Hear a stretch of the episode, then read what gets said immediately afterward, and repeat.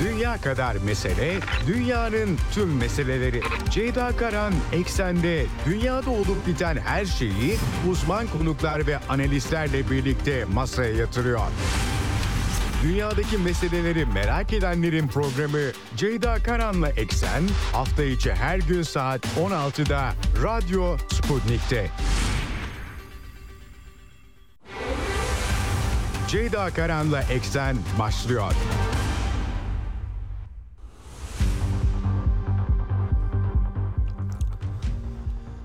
Eksenden merhabalar efendim. Bugün 27 Aralık 2023 günlerden çarşamba dünyadan haberlerle karşınızdayız yine. Bu hafta biraz talihsizlikler yaşadım. Sağlık sorunları yüzünden iki gündür yayın yapamıyordum ama derledim topladım her şeyi. Yine eksende aktaracağım sizlere. Yılın sonuna geliyoruz. 2023 artık 3 gün kaldı, 4 gün kaldı. Bir şey kalmadı. Nihayet çok da dünya çapında e, olaylar düşünüldüğü zaman hayırlı bir yıl değildi. E, gelen gideni aratmasın e, diyerek her zaman son haftasında düşünüyorum. İşte böyle bir takım rahatsızlıklar olabiliyor. Gündem yüklü tabii e, hakikaten Orta Doğu'dan, Ukrayna'dan çok sayıda başlık var. Size e, aktaracağım. E, Türk dış politikasında önemli gelişmeler var. Amerika ile ilişkilerde. E, Netanyahu yönetiminin Gazze e, savaşı giderek şiddetleniyor. Kayıplar var iki tarafta. Ateşkes mümkün olamıyor. Planlar, programlar, tehcir planları 21. yüzyılda ortaya saçılmış vaziyette. Tabii bölgesel çatışma riskleri de artıyor.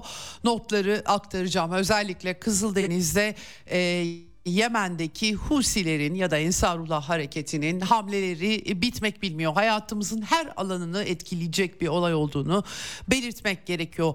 Ukrayna'da çok önemli gelişmeler var. Rusya ordusu Mariinka'yı ele geçirdi. Kontrolü sadece şehir merkezi değil dış mahallelere kadar kontrol altına aldı ki bu büyük bir moral e, güç anlamına geliyor. Ben de 2018'de Donetsk'e gittiğimde hemen Donetsk'in dibindeki Mariinka'nın ne büyük bir sorun olduğunu kendim görmüştüm. Aktaracağım notları Ukrayna'da seferberlik var. Batı savaşı bitirmemek ve uzatmak için elinden gelen her şeyi yapıyor diyebiliriz.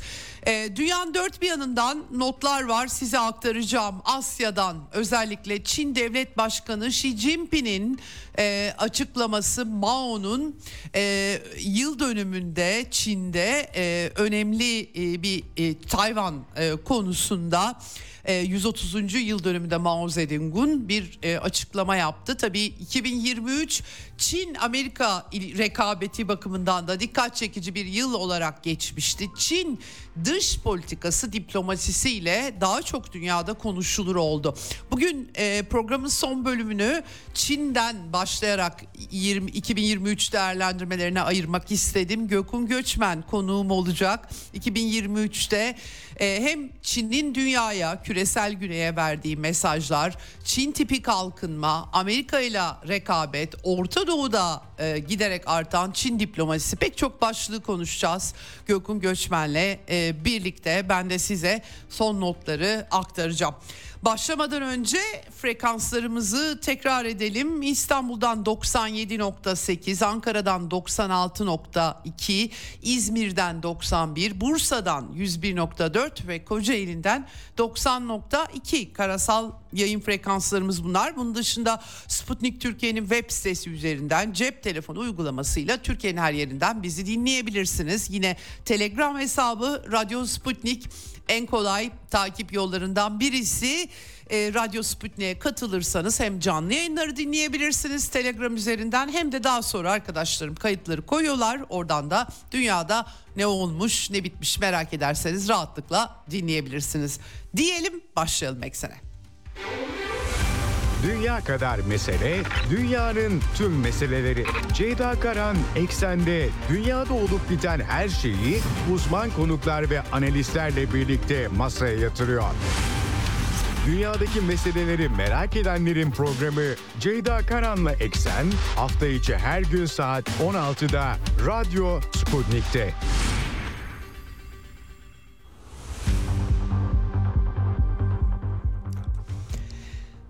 Evet bugün 27 Aralık çarşamba itibariyle Orta Doğu'da Filistin-İsrail çatışmalarının 82. gününe geldik dayandık ve tablo gerçekten hiç parlak değil.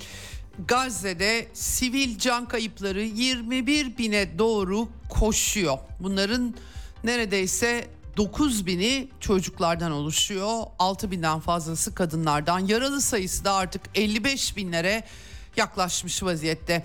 İsrail'in kayıpları da artıyor. Arka arkaya e, İsrail askerleri hayatlarını yitiriyorlar, travmalar yaşıyorlar ve bu çatışmanın kimseye çok bir faydası olduğunu söylemek mümkün değil işin doğrusu. E, küçücük bir yer e, Gazze şeridi ve 82 gün içerisinde çok büyük bir yıkım yaşanmış durumda ve kimse dur diyemiyor bu yıkıma. Böyle de acayip bir durum.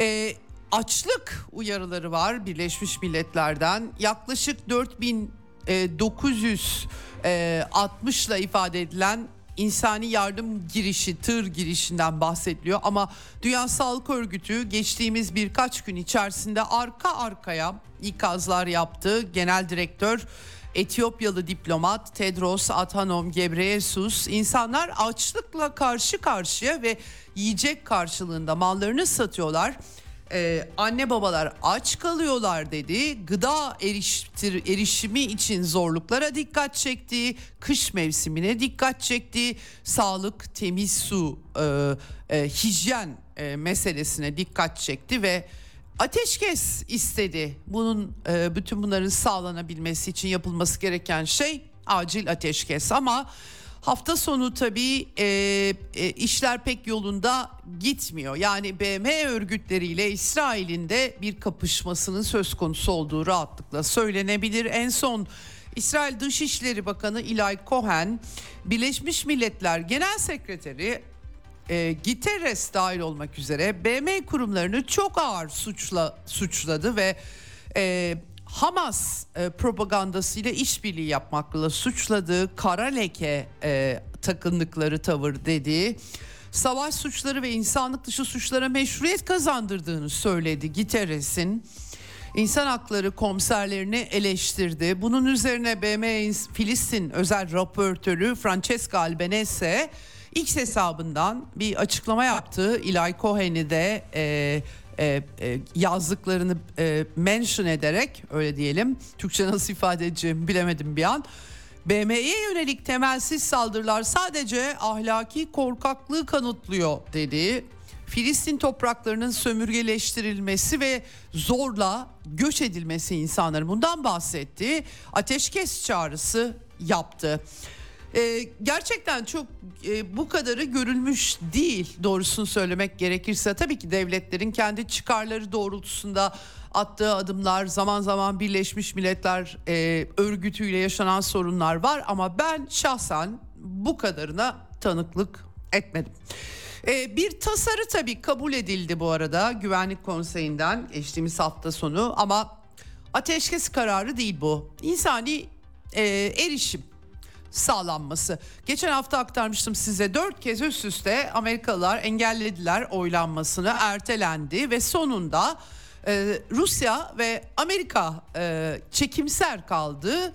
15 üyeden 13'ü evet oyu verdi. Bir bir karar çıktı ama bu karar ateşkes değil sadece sivillere insani yardım aktarılmasının hızlandırılması çağrısı yapıyor. Rusya'nın çekimser kalmasının sebebi de e, muğlak bir e, talep yerine düşmanlıkların acilen sonlandırılmasını içeren bir ateşkes istiyor olması ve benim anladığım kadarıyla aslına bakarsanız Rusya Federasyonu Arap müttefiklerinin bu tasarıyı en azından geçirmek istemesinden hareketle vetoda etmedi. Amerika'nın istediği tarzda bir karar çünkü aslında e, son tahlilde o hale geldi.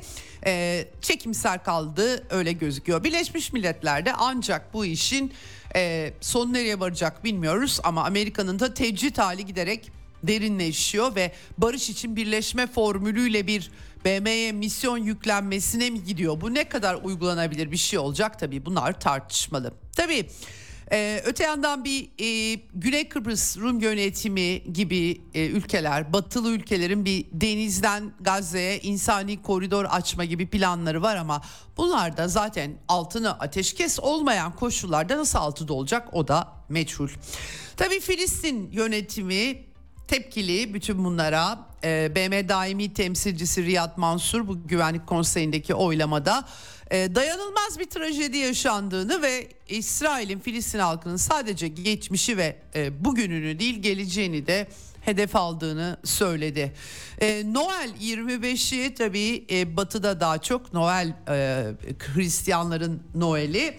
E, tabii Beytüllehim merkezli kutsal topraklar o açıdan da önemli. Doğuş Kilisesi oradadır ve e, ayin de e, bir şekilde yapıldı. Çok tabii ki buruk bir ayin demek lazım. Filistin yönetiminden e, Abbas, Mahmut Abbas'tan e, Müslüman Hristiyan ayrımı olmadan İsrail'in Gazze'de kiliselerinde vurulduğunu e, anımsattı. Yaşanan sıkıntıları anımsattı. Hakikaten buruk bir Noel oldu e, Filistinli Hristiyan Arap nüfus açısından. Evet böyle geçti birkaç gün. Tabi bu arada Filistin yönetimi Türkiye ile birlikte İsrail'in nükleer silahlar konusu için Uluslararası Atom Enerjisi Ajansı Birleşmiş Milletler'e bağlı buraya başvurdular. Orta Doğu'da e, bu silahlara sahip olduğu açıkça bilinen ama belirsizlik politikası olduğu için her türlü denetimden uzak olan İsrail e, bu çok bilinen bir şey. Tabii bu çatışmada Gazze'de nükleer silah kullanmaktan bahseden bir bakan, miras bakanı Amihai Eliyahu sayesinde bu da bu belirsizlik politikası başka bir boyut almıştı. Bundan yola çıkarak atom enerjisine çağrı yaptılar. Tabii uluslararası kurumların başını Amerikalılar tuttuğu için o kurumlar ne kadar objektif davranabiliyorlar? Böyle bir soru baki yine de gündeme taşıdıkları anlaşılıyor. Eleştiriler çok İran başta olmak üzere elbette ama mesela Fransız Dışişleri Bakanlığı'ndan da endişe verici çatışmaların durumu acil ateşkes çağrısını güçlü bir biçimde yenilemekteyiz diye bir açıklama geldi. Tabii Fransızların eylemleriyle söylemleri her zaman birbirleri tutmaya biliyor. Dolayısıyla e, gerçi BM'deki oylamalarda giderek Amerikan pozisyonundan, İsrail pozisyonundan uzak tavır aldılar ama en son böyle bir gelişme var. Tabi bölgede dikkatler Ürdün ve Mısır'da e, Gazze e, tarafı Mısır'a açılıyor, Batı Şeria Ürdün'e açılıyor ve ateşkes çağrıları e, yapıldı iki ülkeden de bu arada e, e, bugün e, anladığım kadarıyla Ürdün Kralı Abdullah'ın da ateşkes yollarını görüşmek üzere Mısır Cumhurbaşkanı Abdülfettah El Sisi ile görüşmek üzere Kahire'ye gittiği haberleri var. Mısır'ın hafta sonunda ve hafta başında diyelim Gazze'de bir üç aşamalı plan önerdiği İsrail-Filistin çalışmalarının sonu için yansıdı. Bu iki haftalık bir insani ateşkes sürenin uzatılması işte ilk etapta bir 40 İsrailli rehine bu arada İsrail rehineler hala Hamas'ın ve Filistinli grupların elinde. Bunların serbest bırakılması özellikle yaşlılar var. Buna karşılık İsrail'in 120 Filistinli hapishanelerden bırakması. İkinci aşamada Filistin liderliğindeki bölünmüşlüğü gidermek Hamas, El Fetih meselesi, ulusal diyalog meselesi. 10 yıllardır yapılamayan mesele aslına bakarsanız. Üçüncü aşamada tam ve kapsamlı bir ateşkes ve e, bir şekilde e, direniş gruplarının bütün İsrail askerleri, İsrail askerleri de e, Filistinlerin elinde onları bırakması e, ardından da İsraillerin çekilmesi ve sivillerin geri dönmesi. Tabi Mısır ve Ürdün'ün güvenlik açısından önemsediği konular bunlar. Çünkü e, birazdan aktaracağım İsrail açıkça aslında e, Gazze'nin Filistinli Arap e, insanlarının gitmesini istiyor. Çok artık net olarak okunuyor. Ben daha önce aktarmıştım çatışmanın başında bunun büyük bir fırsat teşkil ettiğini İsrail yönetimi için söylemiştim. 2005'te de tek taraflı çekilmiş oldukları için Gazze'den ama artık zaten bunları açıkça somutluyorlar. Şimdi oraya gelmeden tabii ateşkes iddiaları çok konuşuldu. Ee, Mısır uğraşıyor ateşkes için ama Hamas ke- kesinlikle artık bir başka ateşkesi reddeder görünümde. e, İsrail askerlerinin geri çekilmesini içermeyen bir ateşkesi reddediyorlar ve özellikle ellerindeki rehineleri bırakmak için kara harekatının sona ermesi şartını koşuyorlar. Öyle gözüküyor yapılan açıklamalarda nitekim e, bu yönde oldu. İsrail tarafından da bu arada Savunma Bakanı, e, Maliye Bakanı pardon, aşırı sağcı Bezalel e, Smotrich e, İsrail'in kara operasyonu bittikten sonra zaten Mısır ve Katar'da Gazze'de taraf olmayacak diye bir kendi partisi içerisinde açıklamalar yaptığı İsrail basına yansıdı. Bu şu demek zaten zorunlu göç olacak kimse kalmayacak dolayısıyla, dolayısıyla bir şey konuşacak bir şey kalmayacak gibisinden. Bilemiyorum bunlar ne kadar nasıl hayata geçirilecek ama hafta sonu hafta başı İsrail'in e, karadan Hamas'ı hedeflediklerini söylüyorlar. Operasyonları devam etti. Küçük çaplı insani aralarla birlikte bir takım pazarlıklar arka planda olsa bile e, bunlar e, çok bir işe yaramıyor. Kassam Tugayları Hamas'ın askeri kanadı e, pek çok İsrail e, askerinin ölümü e, öldürüldüğü iddiasında tanklarının imha ettikleri videolar pek çok video yayımlandı. Çok sayıda asker öldürdük diyorlar ve hakikaten İsrail tarafında da bu arada asker kayıpları giderek artıyor. Orada da gence, gencecik insanlar bu savaşa sürülüyorlar. Nitekim sürekli İsrail yönetimi e, can kaybı sayılarını güncellemek durumunda kaldı. İşte cuma cumartesi 5 asker ondan sonra 2 e, asker derken 498'e ulaştı. E, yani e, bu arada 5 İsrailli rehin e, tutulan askerinde cansız bedenlerine ulaşıldığı açıklandı. Dolayısıyla bunlar olurken akla ateşkes siyasi uzlaşma geliyor mu? Gelmiyor. İsrail Genelkurmay Başkanı tabii bu arada içeride de eleştiriler yükseliyor. Ee, Halevi e, Hamas'ı yok etmek için sihirli bir formülümüz yok gibi açıklamalar yaptı ve e, Han Yunus orta kesimleri hani kuzeyde de iş bitmiş değil aslında. Çünkü tüneller aracılığıyla bir kent savaşı olduğunu belirtmek gerekiyor. E, dolayısıyla e, Hamas'a karşı bu e, iş nereye vardırılacak herkes merak ediyor doğrusunu söylemek gerekirse. İsrail Savunma Bakanı sadece Hamas değil tabii 7 cepheden saldırı altındayız diye açıklama yaptı Yoav Galant. Gazze, e, Batı Şeria, Lübnan, Suriye, Irak, Yemen, İran dedi. Hakikaten tabii orada bir takım direniş grupları hareket halinde. Ee, ama öte yandan Yoav Galant diyor ki e, net biçimde söylüyorum herkes potansiyel hedeftir. Savaş uzun, zorlu, yüksek maliyetli olacak ama e, aksi olamaz çünkü o zaman e, İsrailler güvenlik olmayan bir yerde yaşamak istemeyeceklerdir. Hakikaten bir ölüm kalım savaşına çeviriyorlar Gazze'de olup bitenleri. E, Amerikan medyası da yazıyor artık. Süresiz işgal fikri Gazze için nasıl olacak gerçekten? Joe Biden yönetimiyle temaslar oldu. Hafta sonu Beyaz Saray'da açıklama yaptı. Netanyahu adeta e, bu görüşmeden sonra meydan okudu operasyon durmayacak. BM Güvenlik Konseyi'nde Amerikalılar zaten bizim istediğimiz gibi hareket ediyorlar dedi. Minnettarız onlara dedi. Ee, Dışişleri Bakanı e, Anthony Blinken Savunma Bakanı Yoav Galant'la İsrail'in görüştü. Orada biraz daha böyle hani sivil kayıplardan kaçınmak, işte e, gelecekte bir Filistin devleti hani onu da Amerika'nın tutumu ama pratikte hiçbir şey değiştirmedi bu durum onu belirtmek gerekiyor. E, Netanyahu pazar günü tekrar açıklama yaptı. E, Biden'a ne kadar sürerse sürsün tam bir zafer elde edene kadar savaşacağımızı söyledim dedi. Derinleşerek devam edecek dedi durmamalıyız dedi. Ateşkes iddialarını yalanladı ve ayrıca da e, tabii ki İsrail medyası, Hayom gazetesi pek çok yetkili artık yazıyor bunu. Jerusalem Post'ta makaleler yayınlanıyor. Açıkça e, Likud milletvekillerine bizim sorunumuz mültecileri kabul etmeye hazır ülkeler biz bunu çözmek için çalışıyoruz demesi. Yani Gazze'deki Filistin nüfusunu göç ettirmek. İsrail o, e, hükümeti bunu hedeflediğini artık açıkça yazıyor.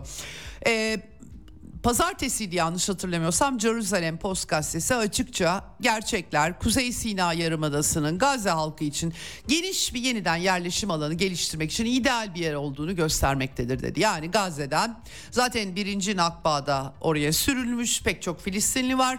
Bir de oradan çıkartılıp artık Mısır'a tabii Mısır şiddetle itiraz edecek bu duruma gerçekten e, sıkıntılı e, doğrusunu söylemek gerekirse. Ama Netanyahu batıya bu e, argümanı kabul ettirmek için uğraşıyor. Wall Street Journal gazetesine bir makale en son yazdı. Üç temel şart koydu ortaya. Gazze'de barış için Filistin toplumunun radikallerden arındırılması, silahsızlandırma, Hamas'ın ortadan kaldırılması dediği Aynı zamanda bu süreçler Almanya ve Polon e, Japonya'da da yürütüldü dedi. Gerçekten enteresan tarihsel kıyaslamalar yapılıyor. Çünkü dünyada da İsrail'in e, Holocaust'un kurbanı e, e, olan İsrail halkının e, e, o e, Holocaust'un icracısı Naziler gibi hareket etmekle İsrail hükümeti suçlanıyor dünyada. Gerçekten Gazze'den gelen görüntüler eşliğinde. Ee, özetle e, kesinlikle Batı Şeria'da ki yönetim Filistin yönetimi e, bu e, süreci gerçekleştiremez. Dolayısıyla Filistin yönetimine de bir Gazze'nin bırakılması gibi bir şeyi planlamadıklarını açıkça anlıyoruz. Tabii ki Abbas yönetimi buna tepki gösteriyor ama ne olacak? Ee, hakikaten belirsiz. Amerikan yönetimi eleştiri altında İsrail yüzünden ama bu Mesela Times of Israel'den aldığım haber bu. 244 Amerikan kargo uçağı efendim 20 gemi İsrail'e 10 bin tonun üzerinde askeri ekipman taşımış. Dolayısıyla hiçbir şey değiştirmiyor e, Amerikan hükümetinin Netanyahu'dan farklı düşündüğünü dünyaya sürekli e, vurgulaması bir şey e, fark etmiyor. Evet e, böyle bir çerçeve var. Bunun dışında Arjantin'in anarko kapitalist, Amerikancı, deregülasyoncu en son 6 bine yakın kamu çalışanını kovan yeni lideri e, Javier Milei Hamas'ı terör örgütü ilan edeceklerini duyurdu. Çalışıyoruz dedi. Küba lideri Miguel Diaz-Canel X hesabından açıklama yaptı. İsrail'i terörist devlet diye nitelendirdi. İşledikleri cinayetler daha ne kadar cezasız kalacak diye sordu. Latin Amerika'nın genel olarak İsrail'e tepkili olduğunu Kolombiya Devlet Başkanı, hepsi solcu devlet başkanları bunların Gustavo Petro e, başta olmak üzere eleştirileri hatırlatalım. Evet Rusya BM Güvenlik Konseyi'nde diplomasiyi sırtlamaya çalışıyor ama bir yere kadar veto sahibi ülke olarak e, Güvenlik Konseyi Sekreteri Patrushev hafta sonu İsrailli mevkidaşı Hanegbi ile e, görüştü. E, detaylarını bilmiyoruz ama e, siyasi çözüm ve e, bir barış konferansı düzenlenmesi e, vurgusu e, Rusya aynı zamanda e, hem Arap Birliği hem e, İslam İşbirliği Teşkilatı ile birlikte bu soruna kalıcı bir siyasi çözüm arayışında iki devletli çözüm vurgusu var tabii ki nasıl olacağı meçhul. Ama olayın yayılması riski devam ediyor efendim. İsrail ordusuyla Lübnan'daki Hizbullah arasında hafta sonu son dört gündür pek çok ağır topçu ateşleri karşılıklı İHA'lı saldırılar pek çok saldırı gerçekleşti ve hatta Amerikan medyasında e, 7 Ekim'deki Hamas baskınından hemen sonra Netanyahu hükümetinin Lübnan'a önleyici saldırıya hazırlandığı ve Biden'ın Netanyahu'yu vazgeçirdiği iddiası da ortaya e, atıldı.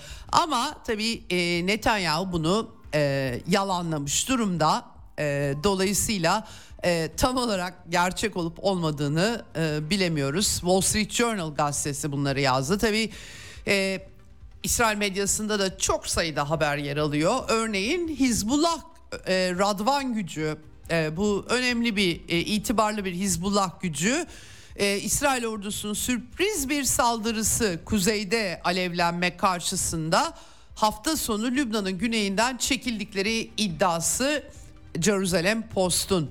Tabii ki İsrail güvenlik kaynaklarına dayanıyor. Ne kadar doğru bilemiyorum. Kayıpları sınırlandırmak için deniyor. Hizbullah'ın kayıpları da arttı bu arada. En son 128 Hizbullah üyesinin 8 Ekim'den bu yana hayatını yitirdiği çatışmalarda bilgisi var.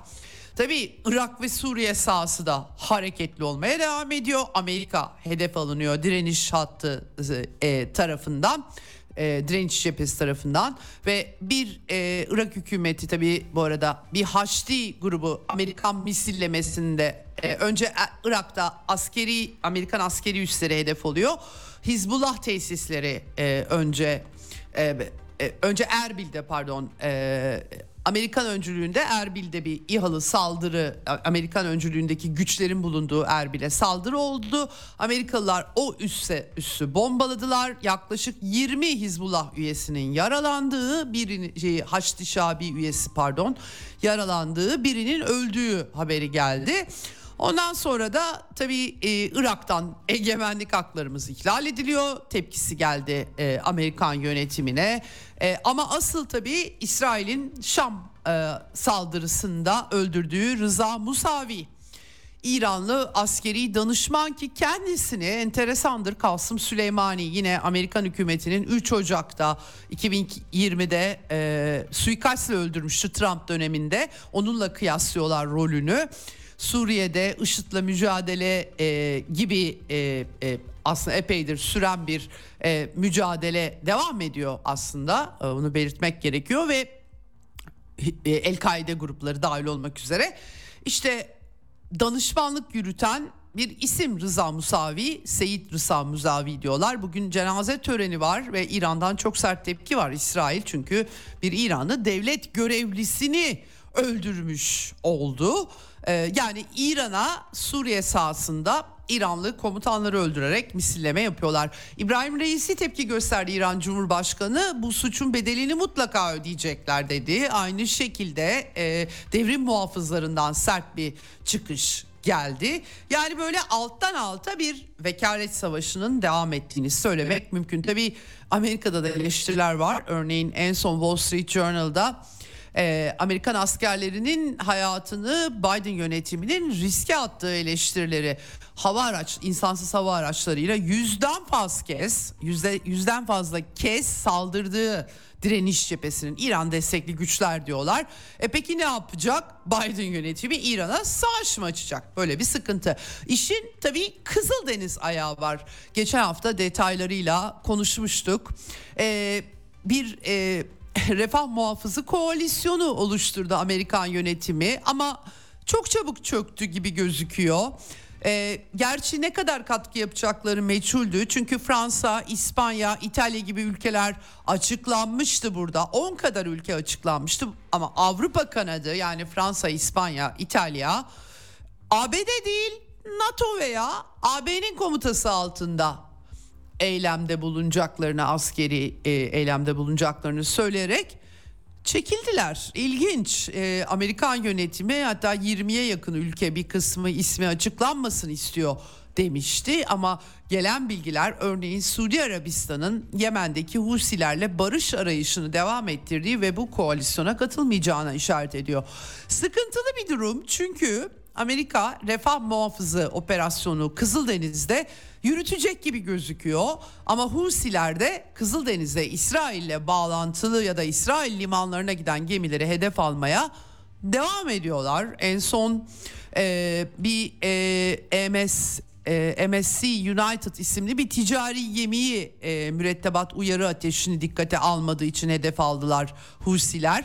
E, Maersk şirketi dünya, dünyaca ünlü taşımacılık şirketi Amerikan koruması altında Kızıldeniz operasyonlarını yeniden başlatacağını duyurdu. Yani gemilerden biri hasar görürse büyük bir kriz çıkabilir, daha da boyutları artabilir. Çünkü Amerikalılar Yemen'e de saldırmak istemedikleri için sadece eskort işi yapacaklarını bir de tabii önleme çok pahalı füze sistemleriyle Yemenlilerin attıkları e, ki bunların olduğu şu anda söyleniyor. Yani Yemenliler bir takım İHA'lar fırlatıyorlar, Amerikalılar önlüyorlar ama çok ucuz bir takım füzeler, İHA'lar fırlatılırken onlar milyon, e, milyon dolarlık füze sistemleriyle hava savunma sistemleriyle önleniyor. Böyle acayip bir durum var. Tabii bu iş herkesin cebine de dokunacak. Çünkü Kızıldeniz ticareti e, Ümit burnuna uzandığı zaman her şeyin fiyatı katlanacak, taşımacılık maliyeti katlanacak. Bu iş nasıl, e, ne kadar böyle gidecek gerçekten kimsenin bir e, fikri e, yok öyle anlaşılıyor ve Amerika'da bir ip üzerinde oynuyor gibi gözüküyor. Hindistan da donanma gönderdi ama doğrudan katılmıyor bu koalisyona. Ayrı bir pozisyon alıyor. Amerikan yönetiminin Kanada üzerinden e, ve Amerika ve Kanada'nın Hindistan yönetimiyle ilişkileri de çok nanemolla diyelim açıkçası. Sihlerle ilgili e, dosyalar nedeniyle başka bir zaman daha detaylı konuşabiliriz. E, hakikaten sıkıntılı bir durum var e, e, bu Kızıldeniz meselesinde. Bir de Amerikalılar Pentagon bu arada... E, daha da uzakta Kızıldeniz'e Hindistan açıklarında bir İsrail tankerinin İran'dan fırlatılan İHA ile vurulduğunu iddia ettiler. Liberya bandıralı Cem Pluto tankeri. İranlılar reddettiler. Hakikaten e, ilginç yani USS Laboon gemisi de orada 4 İHA'yı düşürdüğünü CENTCOM açıkladı Amerikan Merkez Komutası ama İranlılar da e, biz öyle bir şey yapmadık diyerek yalanlama geçtiler. yani nereye varacağını bilemediğimiz bir acayip durum. Son olarak bu konuda e, Husilerin 4 Aralık'ta vurduğu 3 gemiden biri Number 9 9 numara konteyner gemisi Yalova'da tersaneye çekilmiş efendim Panama bayraklı.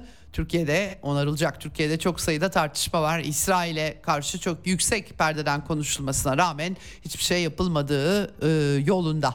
Böyle acayip bir durum. İran Cumhurbaşkanı bu arada İbrahim Reisi Ocak ayının ilk haftasında Türkiye'yi ziyaret edecekmiş. Bu açıklanmış durumda. Cumhurbaşkanı Erdoğan'ın İsrail'e eleştirileri devam ediyor. En son bugün TÜBİTAK bilim ödülleri töreninde e, Hitler'le ilgili bir e, analoji kurdu. Cumhurbaşkanı Hitler'den garip garip bahsederlerdi. Sizin Hitler'den ne farkınız var? diye sordu. Bunlar bize Hitler'i de aratacak. Almanya hala Hitler'in bedelini ödüyor. Başı öne eğik yapmayın demeye çalıştı. Evet bu koşullar altında tabii Türk-Amerikan ilişkileriyle ilgili de birkaç başlığım var. Onu da aktarmak istiyorum. Geçen e, hafta e, ABD'li yüksek düzeyli savunma toplantısı yapılmıştı. Daha çok e, savunma bakanlıkları arasında pek çok mesele var e, bu burada işlenen ama tabii ilişkilerin odağındaki düğüm İsveç'in NATO üyeliğinin onaylanması ve Türkiye'nin artık kaç sene oldu ben unuttum. F-16 talebinin karşılanması Ankara bir NATO üyesi olarak F-16 talebinin karşılanmasını istiyor ama Amerikan Kongresi buna yanaşmıyor. Bu iş artık pazarlığa açıkça dönüştü. Eskiden yok canım alakası yok İsveç'in üyeliğiyle deniyordu. Artık bu denmiyor efendim açıkça söyleniyor. Zaten Cumhurbaşkanı paralelliği net bir biçimde geçenlerde kurdu. Eş zamanlı yürütülmesinden bahsetti. İşte ee, İsveç'in NATO'ya katılımına dair teklif TBMM Dışişleri Komisyonu'na geldi ve kabul edildi. Ama daha bitmedi. Genel kurula gelmesi lazım. Amerikalılar memnuniyet açıkladılar. Biden hemen desteğinin devam ettiğini. Bilemiyorum kongre üyeleriyle ne yapacak tabii. O da ayrı bir dava ama artık herhalde İsveç'in e, gerçi Finlandiya Rusya açısından daha kritik bir konuydu ama yine de e, Amerika tam bir e, çevrelemeye giriştiği için Rusya Federasyonu'na yönelik olarak bütün kuzey ülkelerini NATO içerisinde görmek istiyor. O yüzden stratejik olarak önem atfediyor. Dolayısıyla e, bakalım göreceğiz ama e, şimdi genel kurul TBMM'den geçmesi için Cumhurbaşkanı Erdoğan'ın Türkiye'ye F-16 sürecinin eş zamanlı gitmesi talebini ne kadar karşılanacak? Ee, yani genel kurula Amerika'nın adımından sonra teklifin geleceği söyleniyor. Bunu da e, göreceğiz. Hakikaten ilginç bir e, durum oldu. Biden'la da görüşebilir deniyor bu süreçte. Dışişleri Bakanları e, Hakan Fidan ve Anthony Blinken da süreci denetleyeceklermiş. Bakalım ne olacak?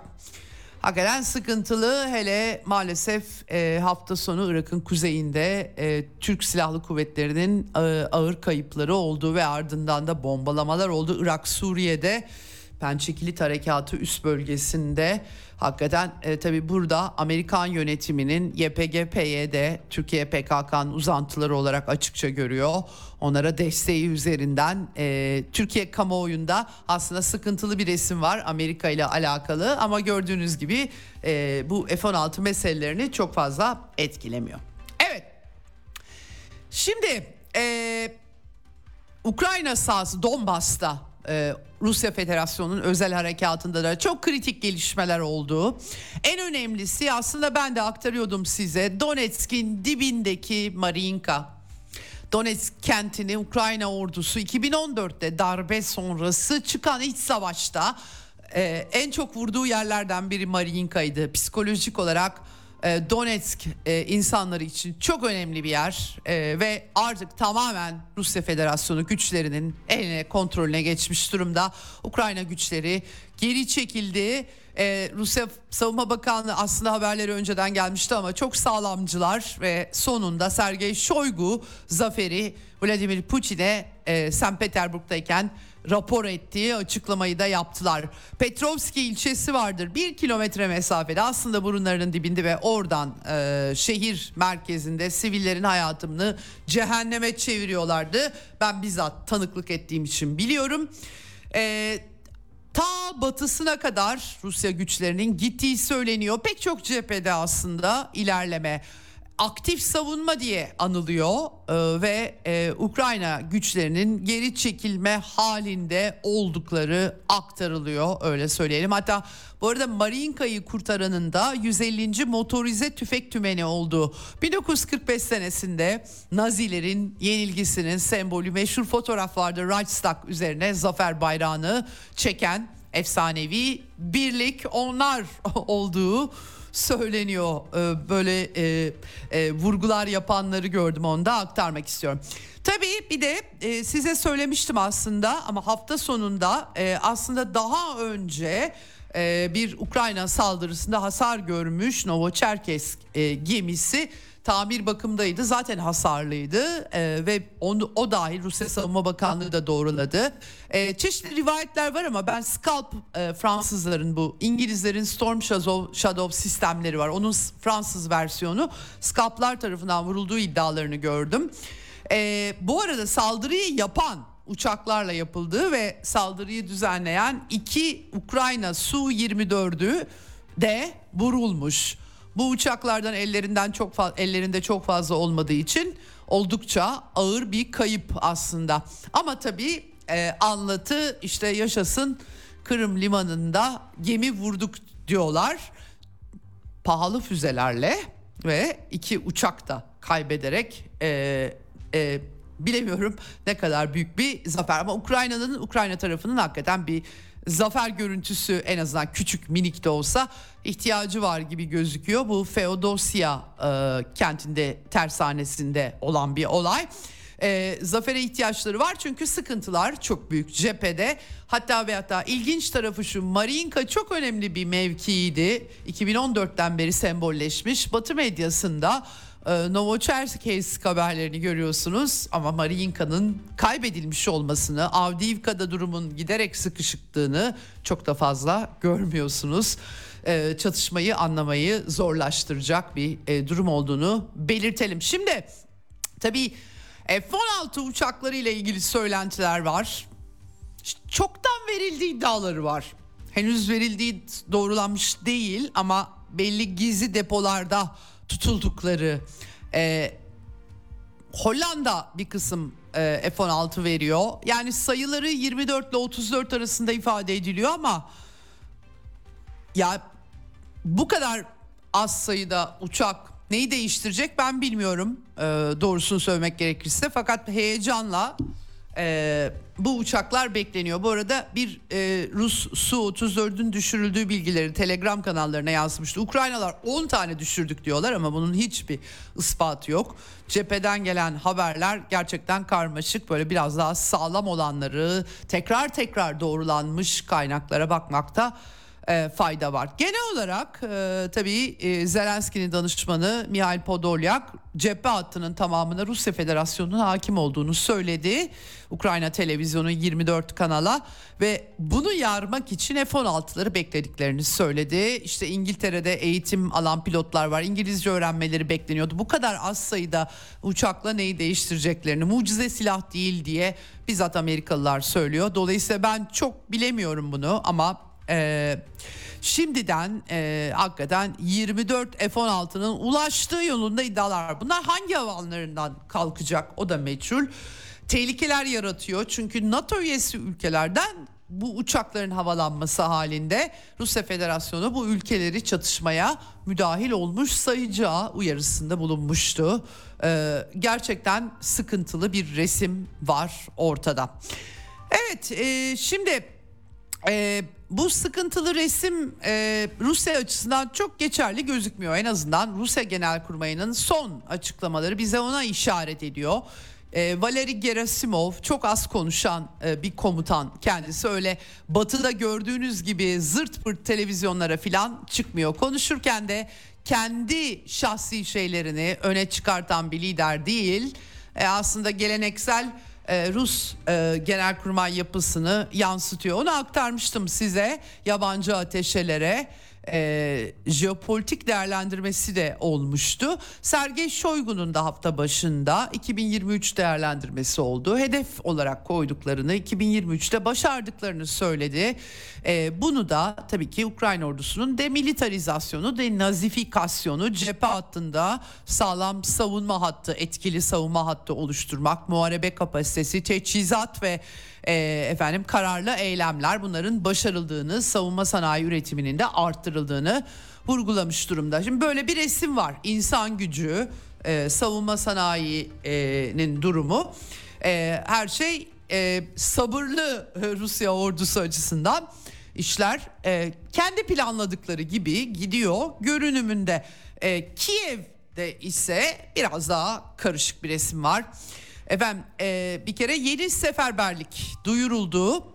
E, yeni yasa yüksek e, radaya e, sunuldu. Burada maalesef üçüncü grup engelliler, eski şura vekilleri, kadınlar, hamileler Allah'tan hamileleri hariç tutmuşlar. Herkesi seferberliğe tabi tutabilecekler. Yaş sınırında 27'den 25'e indirmiş durumdalar üniversite öğrencileri. E, yetimlerden birlik oluşturdukları çocuk küçücük çocuklar gerçekten çok acayip ama e, bu arada ülke içinde bulunanlar için eğer askerlik şubesine gitmezlerse yurt dışına seyahat yaşa yasağı taşınmaz e, taşınır mallarla işlem yapma yasağı araç kullanma ehliyet yasağı fonlar, değerli eşyalar, tasarruf hakları, kredi anlaşmalarını, e, e, devlet yardımı ve hizmetlerinin reddedilmesi gibi hususlar var. Yani e, zorunluluğun bu kadarı dedirtiyor insana.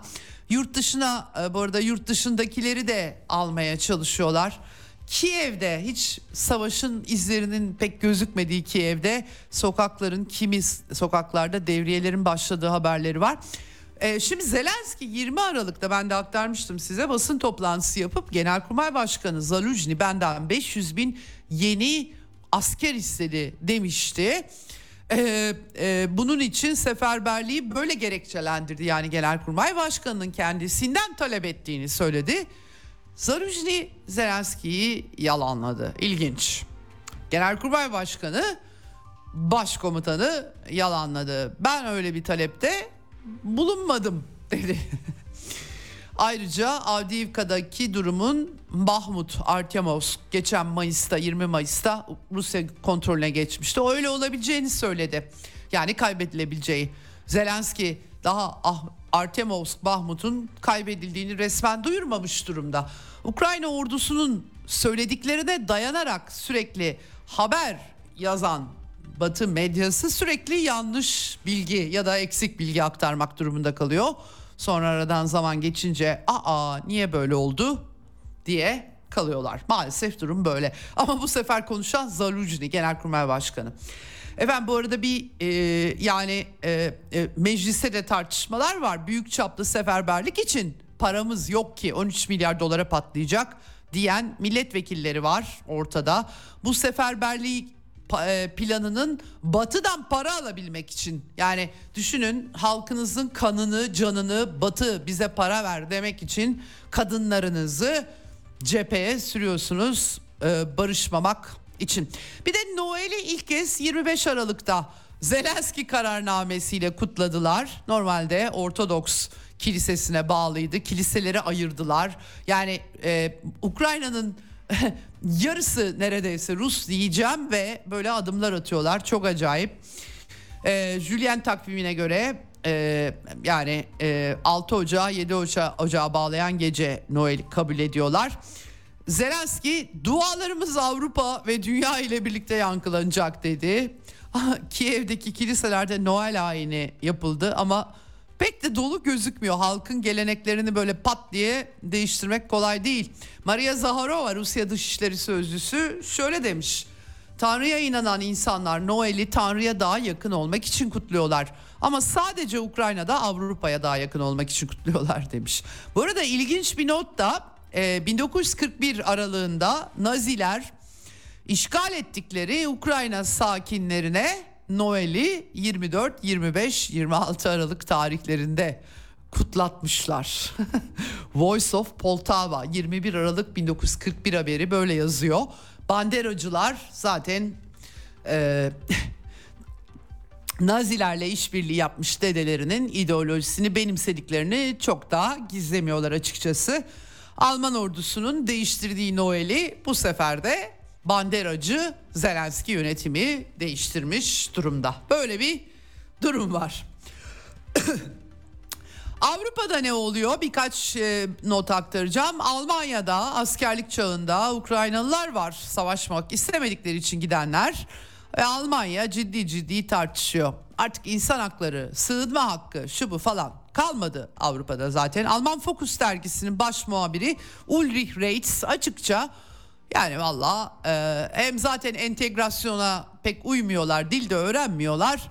Dil sınavına da girmiyorlar. Daha az çalışıyorlar. Yardımlar veriliyor. İyisi mi memleketlerine gitsinler, savaşsınlar diye yazmış Focus dergisine. Hristiyan demokratlar aynı görüşü açıkça dile getiriyorlar.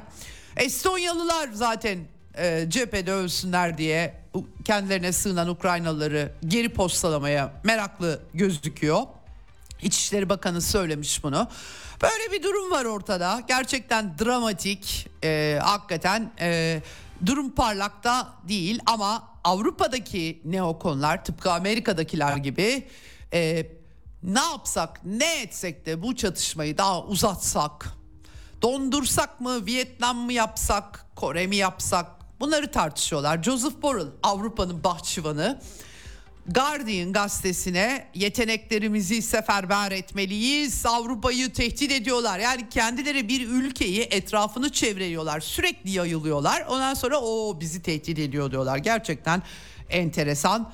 Ee, baş militarist Borrell Avrupa Barış Fonu'nun savaşa harcanması için az çaba harcamamıştı. Şimdi de e, bahçesindeki demokrasinin e, kendi icraatlarından kaynaklanan bir tehditle karşı karşıya olduğu hiç aklına bile gelmiyor ve Rusya tehdit ediyor e, diyor böyle bir iddiası var. Tabii bütün derdi aslında 6-9 Haziran tarihlerindeki Avrupa Parlamentosu seçimleri, Avrupa Parlamentosu'nun bileşimi acaba ne olacak?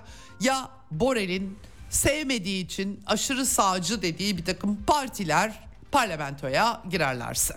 Böyle bakabilirsin. Burada Amerikalılar İsveç, Finlandiya, Danimarka herkesle bir güzel e, savunma anlaşmaları yaptılar. Askerlerini bütün bir İskandinavya'ya üstlere daha geniş bir biçimde konuşlandırıyorlar. Polonya'da liberal faşist Donald e, Tusk yönetimi ve meşhur Sikorski kuzey akımı vurduktan sonra Amerika'ya teşekkür eden isim efendim. Gerçekten artık o da görev alıyor anladığım kadarıyla.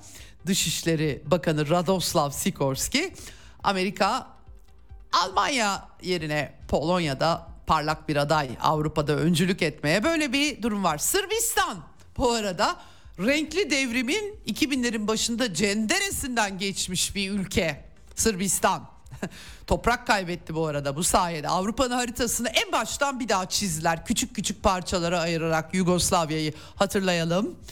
Diyorlar ki Rusya haritayı çiziyor ama kendilerinin haritayı çizdiğini hiç hatırlamıyorlar tabii ki. İşte bunun en büyük kaybedeni Sırbistan. Efendim seçimler sonrasında yaklaşık 2400 kişi deniyor ama hadi 3000 olsun hadi 5000 olsun. Çünkü renkli devrim uzmanı Sırplar. Ee, bu arada şaka gibi kendilerine şiddete karşı koalisyon adını veriyorlar. Şiddetten bahsediyorlarsa bence Amerika'ya gidip bakmalarında fayda var. Sırbistan'da ilkbaharda böyle birkaç ölüm olayı olmuştu. Onun üzerine bir şiddet karşıtı yürüyüş olmuştu. Gidip Amerika'da yaşınlar, yaşasınlar derhal şiddetsiz bir hayatın ne demek olduğunu anlarlar diyeceğim geliyor. Yani bu isim karşısında bir şemsiye koalisyon. Efendim şiddete karşılar ama e, Yüksek Seçim e, Kurulu'nun cam çerçevesini bir güzel indirdiler. Sayıları az anladığım kadarıyla. E, Vucic, Alexander Vucic, e, AB yanlısı e, bu e, grubun e, bu kalkışmasını e, çok da zorlanmadan Fransa'daki gibi Macron yönetimi gibi falan bir takım şeylere fazla başvurmamış. Macron bir buçuk yıldır vallahi yapmadıkları kalmadı Fransızlara gözleri oyulanlar, gazlananlar e, o kadar ilerletmelerine gerek olmamış çünkü zaten zaten anladığım kadarıyla birkaç bin kişiyi de aşmamış. Vucic ülkemizin egemenliğini ve bağımsızlığını koruyalım mesajı verdi. Dengeleri gütmek zorunda tabii. Ne yapsın? Etrafı çevrili e, e, bir şekilde e, açıkçası. Ama tabii e, Balkan politikası var. Avrupa Birliği'nin. Herkes onun kurallarına uyacak. Ulusal çıkarları ne olursa olsun fark etmez. Avrupa bürokrasisi ne diyorsa onu yapmak durumunda. Ee, bilemiyorum buralardan nereye e, varacak. Evet şimdi e, ben size aktarmıştım Rusya'nın dondurulan varlıklarını çalma girişimi içerisinde Amerikalılar ve Avrupalılar diye. Biraz tabii tepkiler doğdu çünkü kapitalizmin temellerini sarsıyor. Bloomberg, Andreas Kulut imzalı bir yazı e, akılsızca ve yasa dışı demiş. Gerçekten yasa dışı kendi kurallarına aykırı başka bir ülkenin belki mallarını varlıklarını dondurabilirler ama el koyarlarsa bir daha kimse onların bankalarına, e, mali kuruluşlarına para mara yatırmaz. Çok basit bir denklem. Bilemiyorum daha ileri gideceklermiş. Şimdilik biraz o iş dinmiş gibi gözüküyor. Öyle söyleyeyim size. Tabii Rusya öyle bir şey olursa biz de karşılık veririz diyorlar. Ama böyle acayip bir şey. Yeni yaptırımlar var tabii ki Almanya'da Ukrayna için dayanışma vergisi önerisi getirdi Scholz hükümeti. Bilemiyorum Almanlar artık ayaklanma çıkaracaklar mı? Scholz hükümetinin hali de doğrusu çok parlak e, gözükmüyor ama ee, Doğu cephesinde hafta sonu Avrasya Ekonomik hafta başı Avrasya Ekonomik Birliği zirvesi yapıldı. Dikkat çeken İran'la serbest ticaret anlaşması imzalandı. Birleşik Arap Emirlikleri ve Mısır'la da aynısını yapacaklar. O üç, üç ülke İran, Mısır, BAE aynı zamanda BRICS üyesi olacak 1 Ocak'tan itibaren. Bu da ilginç bir denklem. Küresel Güney e, denklemi anlamına geliyor. Ermenistan da bu arada e, katılmış Paşinyan. Önemli tabii çünkü Avrasya Ekonomi Birliği sayesinde Ermenistan ekonomisi biraz daha iyi bir hale gelebiliyor. Ticari, mali, ekonomik zorunluluk olmuş Azerbaycan'la barış meselesini görüşmek için de bir fırsata dönüşmüş gibi e, gözüküyor efendim. Evet ve son olarak Çin e, bir iki dakikam kaldı çünkü e, Çin Devlet Başkanı Xi Jinping e, Mao Zedong'un Çin Halk Cumhuriyeti'nin kurucusunun 130. doğum yıl dönümü dolayısıyla bir sempozyuma katıldı ve orada Tayvan'ın ana karayla birleşmesinin kaçınılmaz bir haklı dava olduğunu vurguladı. Halkın arzusu dedi. E, ayrılıkçılığı önleyeceklerini söyledi. Tayvan'da 13 Ocak'ta liderlik seçimleri olacak. Ee, devlet başkanlığı diyemiyorum de, tam o devlet olarak bir tanınma meselesi yok ama e, tabii ki daha Amerika yanlısı adaylar bağımsızlık yanlısı adaylar var. Çin'i Tayvan üzerinden burmak e, tek Çin prensibine uyuyoruz gibi gözükse de Amerika'nın açıkçası vazgeçemediği bir huy diyelim. Huy değil tabii jeostratejik hesaplarla alakalı. Ee, ve bilemiyorum 2024 senesine Tayvan daha fazla damga vuracak mı ama eğer e, iktidardaki Demokratik İler, İlerici Parti'nin adayı kazanırsa e, bağımsızlık yanlıları daha da e, şey olacak e, güçlenmiş olursa Neler olacak onu bilmiyoruz. Şimdiden tabii e, Tayvan'la ilgili Çin'in mesajları e, yoğunlaşıyor. Son olarak bir de CIA efendim Çin casus ağında çok büyük kayıplar yaşamış Wall Street Journal'a göre. Ee, o yüzden sıkıntılıymış bu haberi de e, aktarayım size ve hemen kısa bir tanıtım hemen ardından Gökhan Göçmen burada olacak.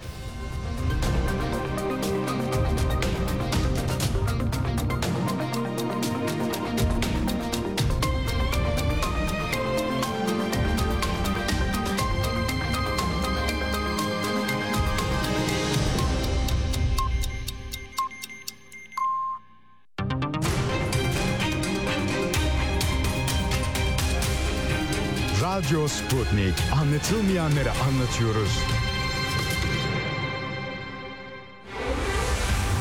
Ceyda Karan'la Eksen devam ediyor.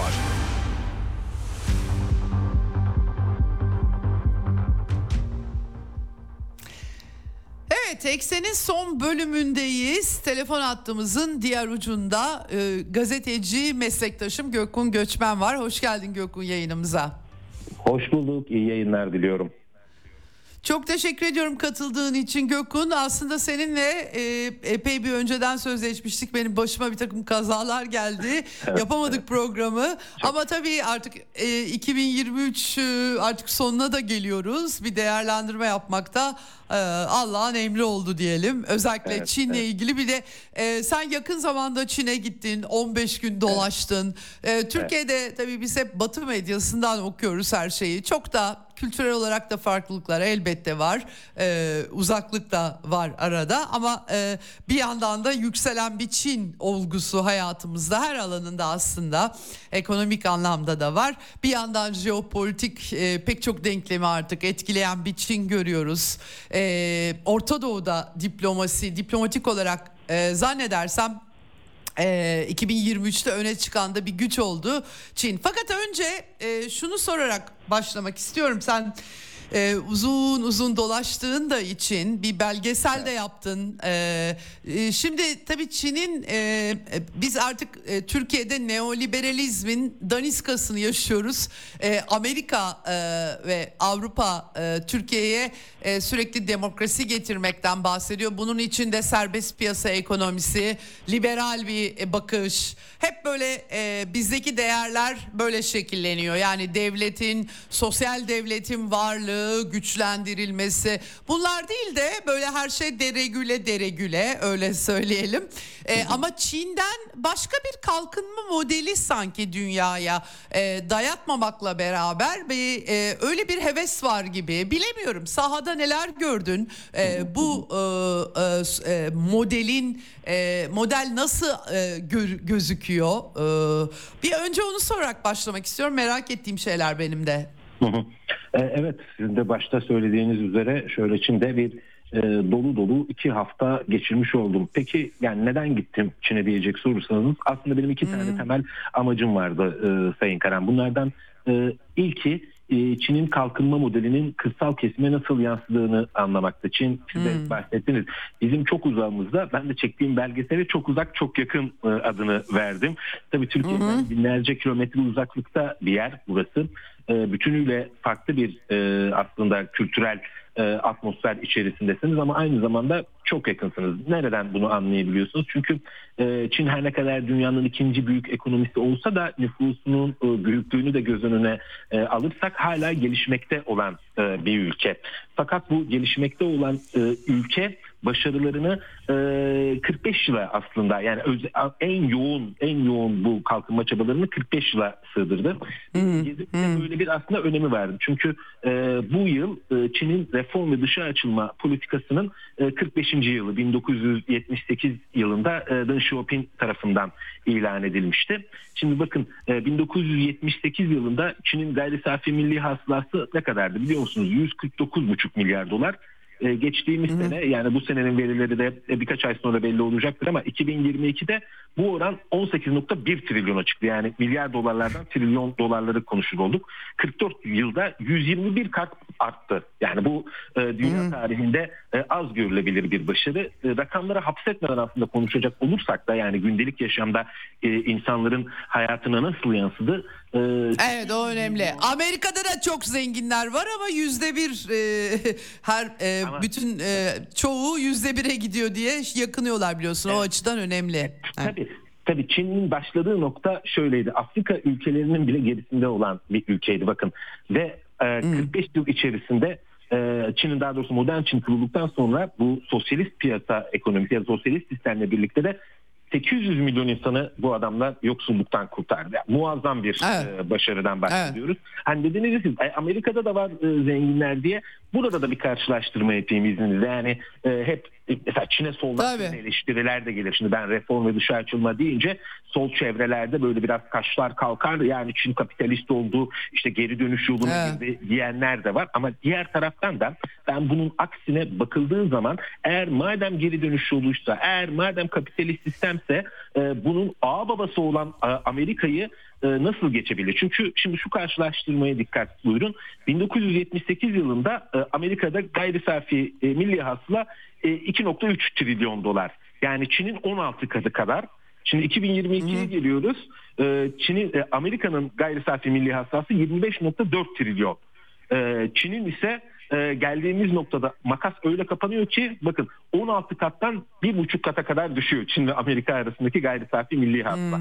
Demek ki burada Çin'in Çin- Çin'in geri dönüş yaptığı yani Çin'in gi- girdiği yol kapitalist sistem olsaydı onun ağ babası olan Amerika ile arasındaki fark böylesine e, kapanmazdı diye düşünüyorum. E peki Çin ne yaptı? İşte aslında biraz da bunu görmek için gittim. Hem büyük şehirde gittim yani başkent e, Pekin, Beijing onların deyimiyle hem orada incelemelerde bulundum hem de Çin'in Sichuan e, bölgesine e, gittim. Orada e, kentine e, gittim. Mianyang kentinde köylerinde Beichuan ilçesinin köylerinde dolaşma fırsatı buldum. Yani en dip en diplere kadar e, gittim. Bir kere şunu söylemek lazım. Hem büyük şehirlerde hem de e, Çin'in kırsal kesimlerinde e, kimileri buna e, piyasa sosyalizmi e, adını veriyor. Ne dersek diyelim fakat burada çizilen çerçeve yani e, serbest rekabet pazarla çizilen çerçevenin sınırlarını belirleyen e, aktör devlet. Yani Çin'de e, burjuvazi bir sınıf olarak burjuvazinin e, siyasi karar mekanizmalarında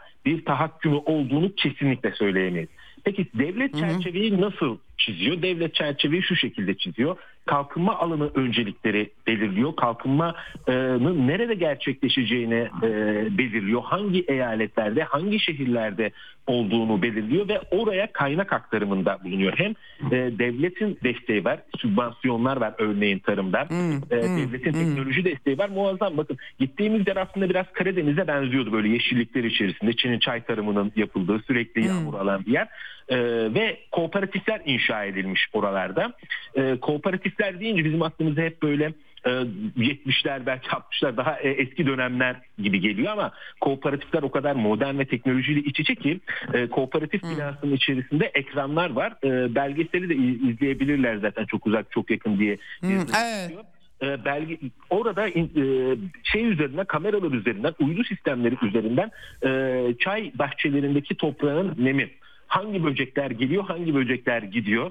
Rüzgarın yönü nereden geliyor nereden esiyor? Tüm bunları tespit edebiliyorlar. Oradaki kooperatif üye olan insanlarla konuştuğumuz ama şunu söylediler.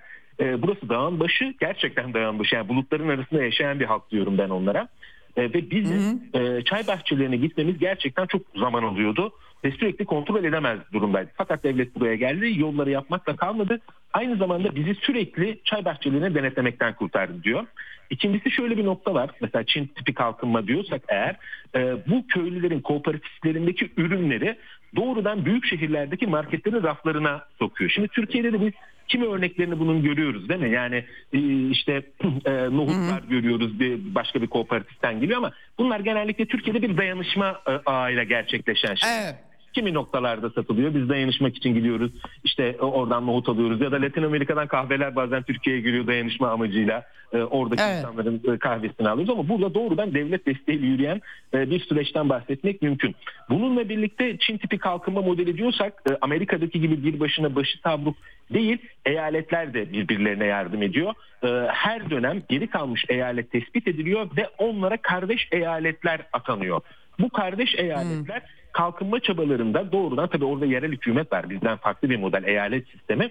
O eyalet evet. geri kalmış eyalete yardım ediyor.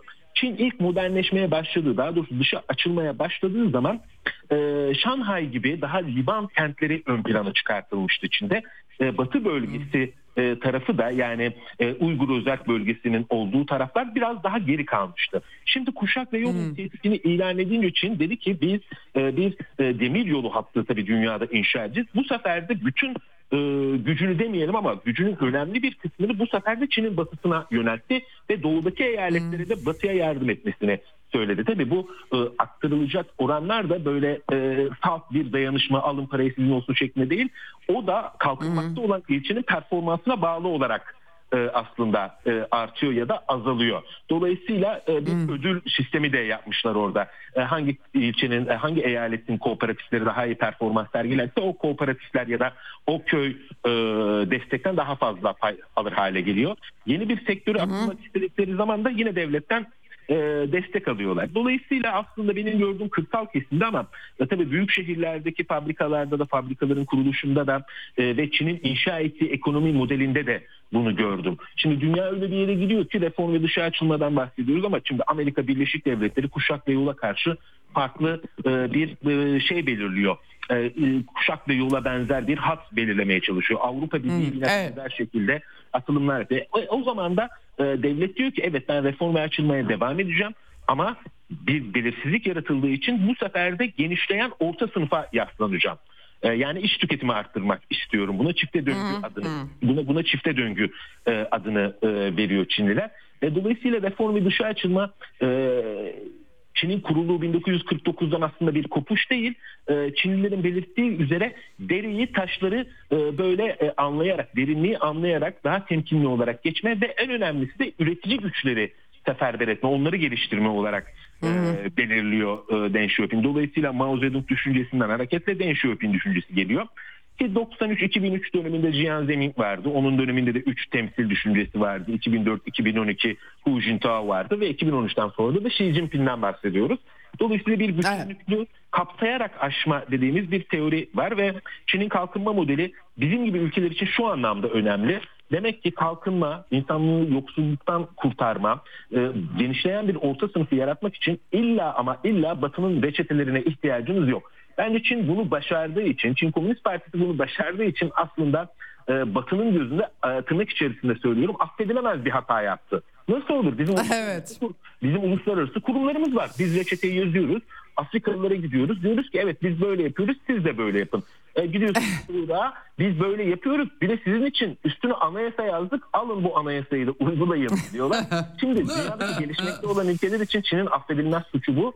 De diyor ki hayır diyor ben kendi ulusal koşullarıma göre bir model yarattım. E siz de bunu yapabilirsiniz. Tek reçete e, Amerika Birleşik Devletleri ve onun önderlik ettiği kredi kuruluşlarının e, size verdiği reçeteler değildir diyor. Aslında bizim bugün Hı. Türkiye'de konuşmamız gereken en önemli model de bu. Bir aralar konuşul, konuşuluyordu ya Türkiye'de Çin modeli, e, Türkiye Çin modelini evet. uygulayacak diye. Hayır ben ona da karşıyım. Çin'in modeli Çin modelidir. Biz de Türk modelini, Türkiye modelini inşa etmek evet. E, tıpkı Mustafa Kemal Atatürk'ün aslında yola çıkarken yaptığı e, gibi. E, biz de kendi kaynaklarımızda kendi modelimizi aramalıyız. E, elbette tabii Çin'e de bakacağız. Onlar da bizim gibi gelişmekte olan bir evet. olduğu için. E, oradan da bir şeyler alırız ama e, Çin'in affedilmez suçu bence Batılıların gözünde farklı alternatif bir yolun mümkün olduğunu dünyaya göstermeleri oldu. Evet e, Amerika ile de baya bir sıkıntı e, tabii e, bu yüzden yaşıyorlar tabii bırakınız gel geçsinler bırakınız yapsınlar bırakınız geçsinler olmayınca. Şimdi tabii e, 2023'te de bu sıkıntılar devam etti 2022 sonunda Bali'de sanki böyle bir çözülme varmış gibi bir manzara vardı ama Amerika Biden yönetimi hiç şaşmıyor yolundan yani asla burnundan kıl aldırmıyor hiçbir bağlamda. Bal, casus balonlarla açıldı. San Francisco ile kapandı e, diyeceğim. Sıkıntılı bir resim. Gerçi ilk ordudan orduya temas Nancy Pelosi'nin korsan Tayvan ziyaretinden sonra kurulmuş gözüküyor. Ama öte yandan da bugün demin aktardım Xi Jinping'in e, Mao Zedong'un 130. doğum yıl dönümü vesilesiyle sempozyumda yaptığı konuşmasından çok kısa aktarabildim. Eee çok net bir biçimde Çinliler üstümüze gelmeyin. Burası bizim memleketimiz. Tayvan adası da e, onlarla barışçı birleşmeyi de gerçekleştireceğiz. E, mesajını vermiş durumda. E, şimdi 2023'ü şimdi e, uzun uzun konuşmak için değil ama e, 2023'ten süzülmek süzülenler bakımından e, 2024'ü nasıl görmek lazım diyeyim sana e, onu sorayım. Bir e, 2023'te Rusya ile ilişkilerde çok önemli e, temaslar oldu. Özellikle Moskova'da e, bir araya gelmesi tarafların o önemli e, ve e, küresel güney için Çin daha çok konuşulan bir ülke oldu. Orta Doğu'daki diplomasi de gerek İran Suudi normalleşmesi gerek işte en son dönemde Orta Doğu'daki İsrail Filistin krizindeki tavır ee, yani çok dikkat çekici bir pozisyon alıyor Çin. Ee, bir e, diplomatik atak hali varmış gibi. Ee, bilemiyorum nasıl sonuçlar verecek ama e, bütünsel olarak baktığımızda Amerika ile rekabet e, ve e, diğer ülkelerle den, ilişkilerin dengelenmesi bakımından nasıl bir isim çizmemiz lazım? Ya şöyle başlayalım. Aslında bahsettiğiniz iki e, olgu var. Evet bir taraftan Amerika Birleşik Devletleri Avrupa ile gerilen ipler var. E, diğer taraftan da e, küresel e, güney ile sıkılaşan bir bağ var. İşte şimdi bugünlerde küresel güney diyor. Biz eskiden 3. dünya ülkeleri mi deniyordu literatürde e, ya da e, gelişmekte olan ülkeler diyenler de var ama bahsettiğimiz şey biraz daha artık uluslararası e, sistemde daha yüksek bir statüyü daha saygıdeğer bir statüyü arzulayan milletler halklarla ilişkisi için daha fazla gelişmeye başladı. Şimdi Amerika Birleşik Devletleri ile ilişkilerin aslında çerçevesi sadece Biden tarafından değil, Trump tarafından da, Obama tarafından da çizilmiştir. Çin Obama dönem özür dilerim Amerika Birleşik Devletleri Obama döneminden bu yana Çin'i kademe kademe esas tehdit, esas rakip olarak görmeye başladı.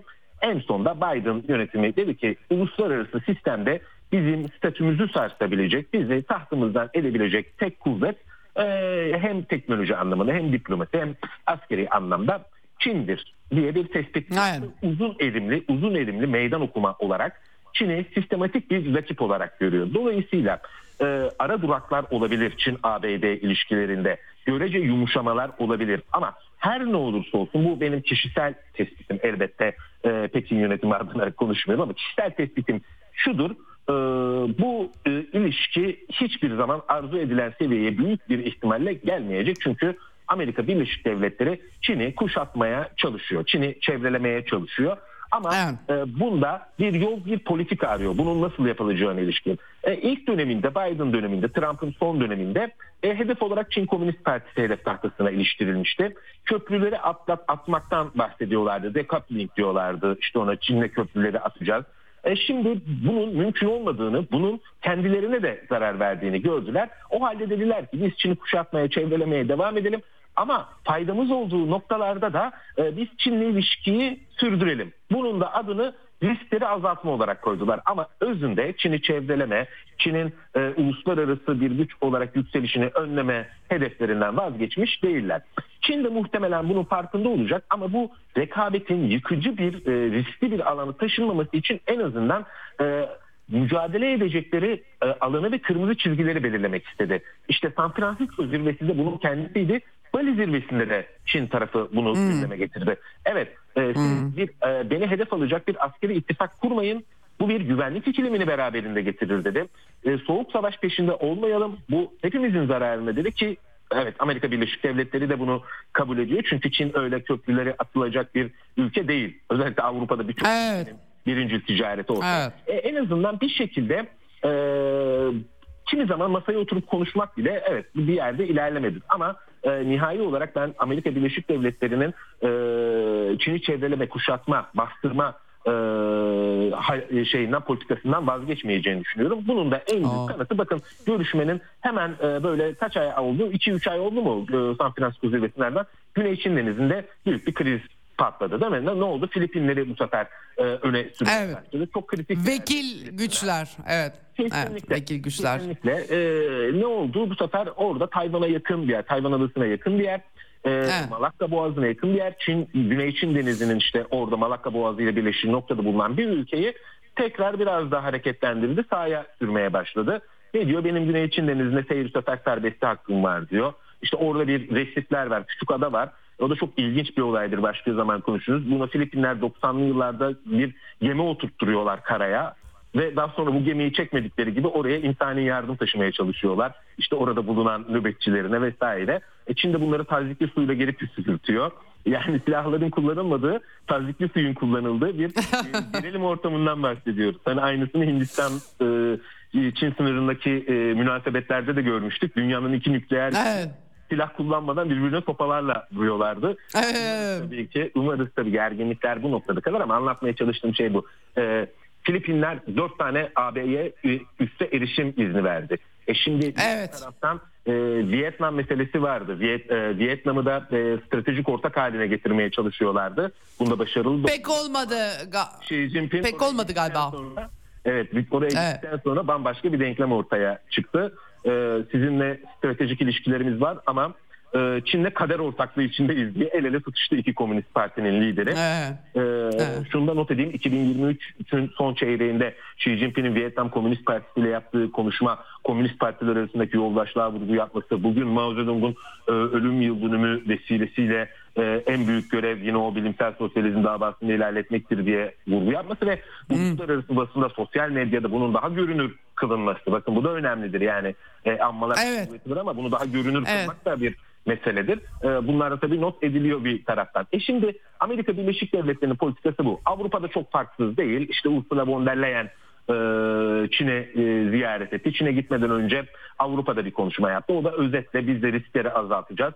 Tedarik zincirlerini çeşitlendireceğiz dedi. Avrupa e, ne yapıyor şimdi işte elektrikli araçlardan dolayı soruşturma açıyor. Bizim Çin'le çok büyük ticaret açığımız var. Bu adamlar çok üretiyor. İşte over kapasite, kapasite fazlası var bize ihraç ediyorlar deniyor. Yani Çin ne yapması gerekli bunu anlamı. Fabrika mı kapatsın Avrupa'yı e, ucuza mal vermemek için Avrupa'ya o da bir garip durum. Kendi vatandaşları elektrikli araçları pahalı binsin istiyorlar galiba. Her neyse yani Avrupa'nın da böyle stratejik bir yönelimin ne olduğu Evet. E şimdi diğer taraftan da küresel güney uluslararası anlamda bir statü talep ediyor. E Çin artık e, ekonomiden ziyade sorumlu bir uluslararası aktör olma istiyor, talep ediyor. E, dolayısıyla biraz daha biz bu yıl tabii e, ekonomik gücü konuştuk ama diplomatik e, Çin'in ağırlığına da e, seyirci kalamadık. Neden? Çok büyük bir hamle gerçekleştirdi. İran ve Suudi Arabistan'ı barıştırdı. Ki öyle Evet. barıştırma ki bütün bölgeye etki etti. Yani e, İran-Körfez ilişkileri de e, ne diyelim kademe kademe de olsa bir e, kaç umut şeyi gördük orada. Noktası gördük. E, diğer taraftan sizin bahsettiğimiz BRICS meselesi e, önemli. E, oraya bu sefer Suudi Arabistan'ın gelmesi, Şanghay İşbirliği Örgütü'ndeki ortaklıklar. E, bir, bir taraftan da yani şimdi gelişmekte olan ülkeler e, genişleyen bir orta sınıfa sahip. Gerçekten iyi pazarlar. Çin bunu da muhtemelen göz önünde bulunduruyor. E, ama bununla birlikte Çin e, artık e, çok kutuplu bir dünyanın içerisinde olduğumuzu ve o, onu da Rusya ile birlikte inşa edildiğini ki bunu ben söylemiyorum. Xi Jinping Moskova'yı ziyaret ettiğini Evet, kendi söyledi. Söylemişti. Tabii Evet. elini sıkarak Putin'e bunları söylemişti. E, Rusya ile zaten bakın e, pazar diyoruz ekonomik de 200 milyar dolarlık bir hedef vardı. Hedefi de aştı Çin ve Rusya birlikteliği. 218 milyar dolar oldu evet. İşte, evet. Evet. e, ortada da böyle bir ekonomik birliktelik var bakın yani. E, dolayısıyla e, bunu Suudi Arabistan'ı ekleyelim şimdi diğer Orta Doğu ülkelerini de ekleyeceğiz, İran'a ekleyeceğiz. E, muazzam aslında Evet. bir coğrafya ve muazzam kaynaklarla yaratılabilecek bir birliktelik var.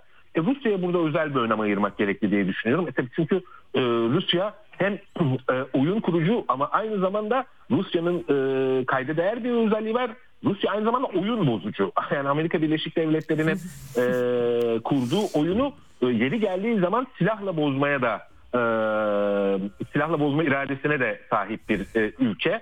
E, dolayısıyla Rusya ile kurulan ilişkiler hem Rusya'nın tarihsel anlamda köklü bir e, devlet olması, köklü bir geleneğinin olması önemli. Geniş bir pazarının olması önemli. Bölge ülkeleri üzerinde etkisinin olması önemli.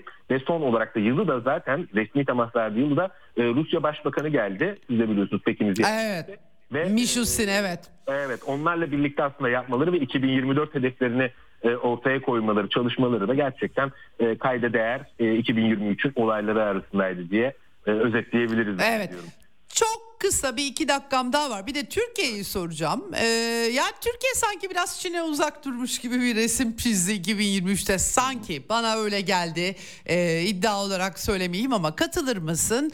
Ee, biraz daha e, e, bakmak gerekmez mi? Gerçi Maliye Bakanımız batıdan daha çok para arayışında ama ya da Orta Doğu ülkelerinden. Ama o Orta Doğu'da Çin'le ilişkileri daha da sıkılaştırıyor. Nasıl görmek lazım? Türkiye'de de bir düşmanlık siyaseti daha çok hep öne çıkıyor. Yani, bir de Türkiye açısından da bir iki dakika. Şimdi Türkiye e, çok önemli bir fırsatı aslında ıskaladı mı diyelim ona. Yani üçüncü kuşak ve yol hmm. forumu vardı. Bakın ilk kuşak ve yol evet. forumuna e, Türkiye katılmıştı, Rusya katılmıştı ve e, Türkiye Cumhurbaşkanı Erdoğan orada kürsüye çıkıp konuşturma yaptırılmıştı. Çok önemliydi yani Türkiye'yi onur etmek istemiş hmm. için. Ama bu üçüncü kuşak ve yol forumuna Türkiye katılmak istemedi. E, bir taraftan Dışişleri Bakanlığımıza bakıyorum. Ben Asya açılımı yapıyoruz. İşte Çin'in yükselen gücünden bahsediyoruz ama diğer taraftan sadece tabii Çin bunu ev sahipliği yapıyor ama onlarca ülke oradaydı. Yani evet. Asya devletleri de oradaydı. Yani bizim de e, ilişki kurduğumuz Türk Devletleri Teşkilatı çatısı altında devletler oradaydı. Ne vardı yani oraya gidilebilirdi. Her nedense e, böyle e, bu işi e, büyük platformlarda değerlendirmeyi tercih etmedi Türkiye. Ama bu demek değil ki tamamen kayıtsız kaldı. İşte en son e, evet. Mehmet Fatih Kacır e, Çin'i ziyaret etti bizim Sanayi ve Teknoloji Bakanı. 100 saatlik Çin'i ziyaret ettim diye tweet attı. Gezdiği şehirleri yazdı. Araç hmm. özellikle elektrikli araç firmalarını gezdi. Evet. Bir taraftan büyükelçilik oradaki büyükelçilik gayet önemli çabalar içerisinde. Onu da görüyorum sosyal medya üzerinden e, yatırım hmm. lansmanları orada yapılıyor. Yatırımcı çekilmek isteniyor ama ben şöyle düşünüyorum. Yani e, büyük projeler kurumsal halde birbirine entegre e, edilebilir. Biz diyoruz ki Türkiye olarak resmi söylemde e, bizim bir orta kuşak projemiz var. Orta koridor projemiz var. Bu orta koridor kuşak ve yolla uyumlu. Evet bunu iki projeyi birbirine birleştirerek daha büyük bir sinerji yaratabiliriz. İmzalar da atıldı aslında Çin ve Türkiye arasında bu konuda 2015'te. Ama bu uyumlulaştırma sürecini daha da hızlandırmak gerekiyor ve denklem dışı kalmamak gerekiyor. Ee, 2023'te evet tamamen kayıtsız kalınmadı ama bakanların gitmesi ya da oradaki büyükelçiliğimizin çok sıkı biçimde çalışmasından ziyade e, bence daha büyük anlamda vites yükselterek e, bir Çin'le temasa ihtiyaç var. E, biraz önce verdiğim rakamları yani hatırlamak e, gerekli. Çin'in gayri safi e, yurt içi hasılası, Çin'in büyüme oranları e, dikkate alındığında ve Türkiye'nin de ekonomik tablosunu göz önünde bulundurduğumuzda e, 2024'te Türkiye umarım fırsatları kaçırmaz diyelim. Böyle bir değerlendirme ve e, temennide bulunmuş olalım. Peki çok çok teşekkür ediyorum Gökün gerçekten e, çok iyi özetledin e, e, hem Çin'i birazcık anlamak açısından hem küresel ve Türkiye bağlamı çok teşekkürler ağzına ben sağlık. Ben teşekkür ediyorum iyi yayınlar tekrar. Evet, e, gazeteci yazar Gökhan Göçmen gerçekten e, iyi, çok güzel bir belgesel e, hazırladı. Faydalı, eğitici öyle diyelim. Gitmediğimiz, bilmediğimiz ama hayatımızın her alanını etkileyen Çin'le ilgili.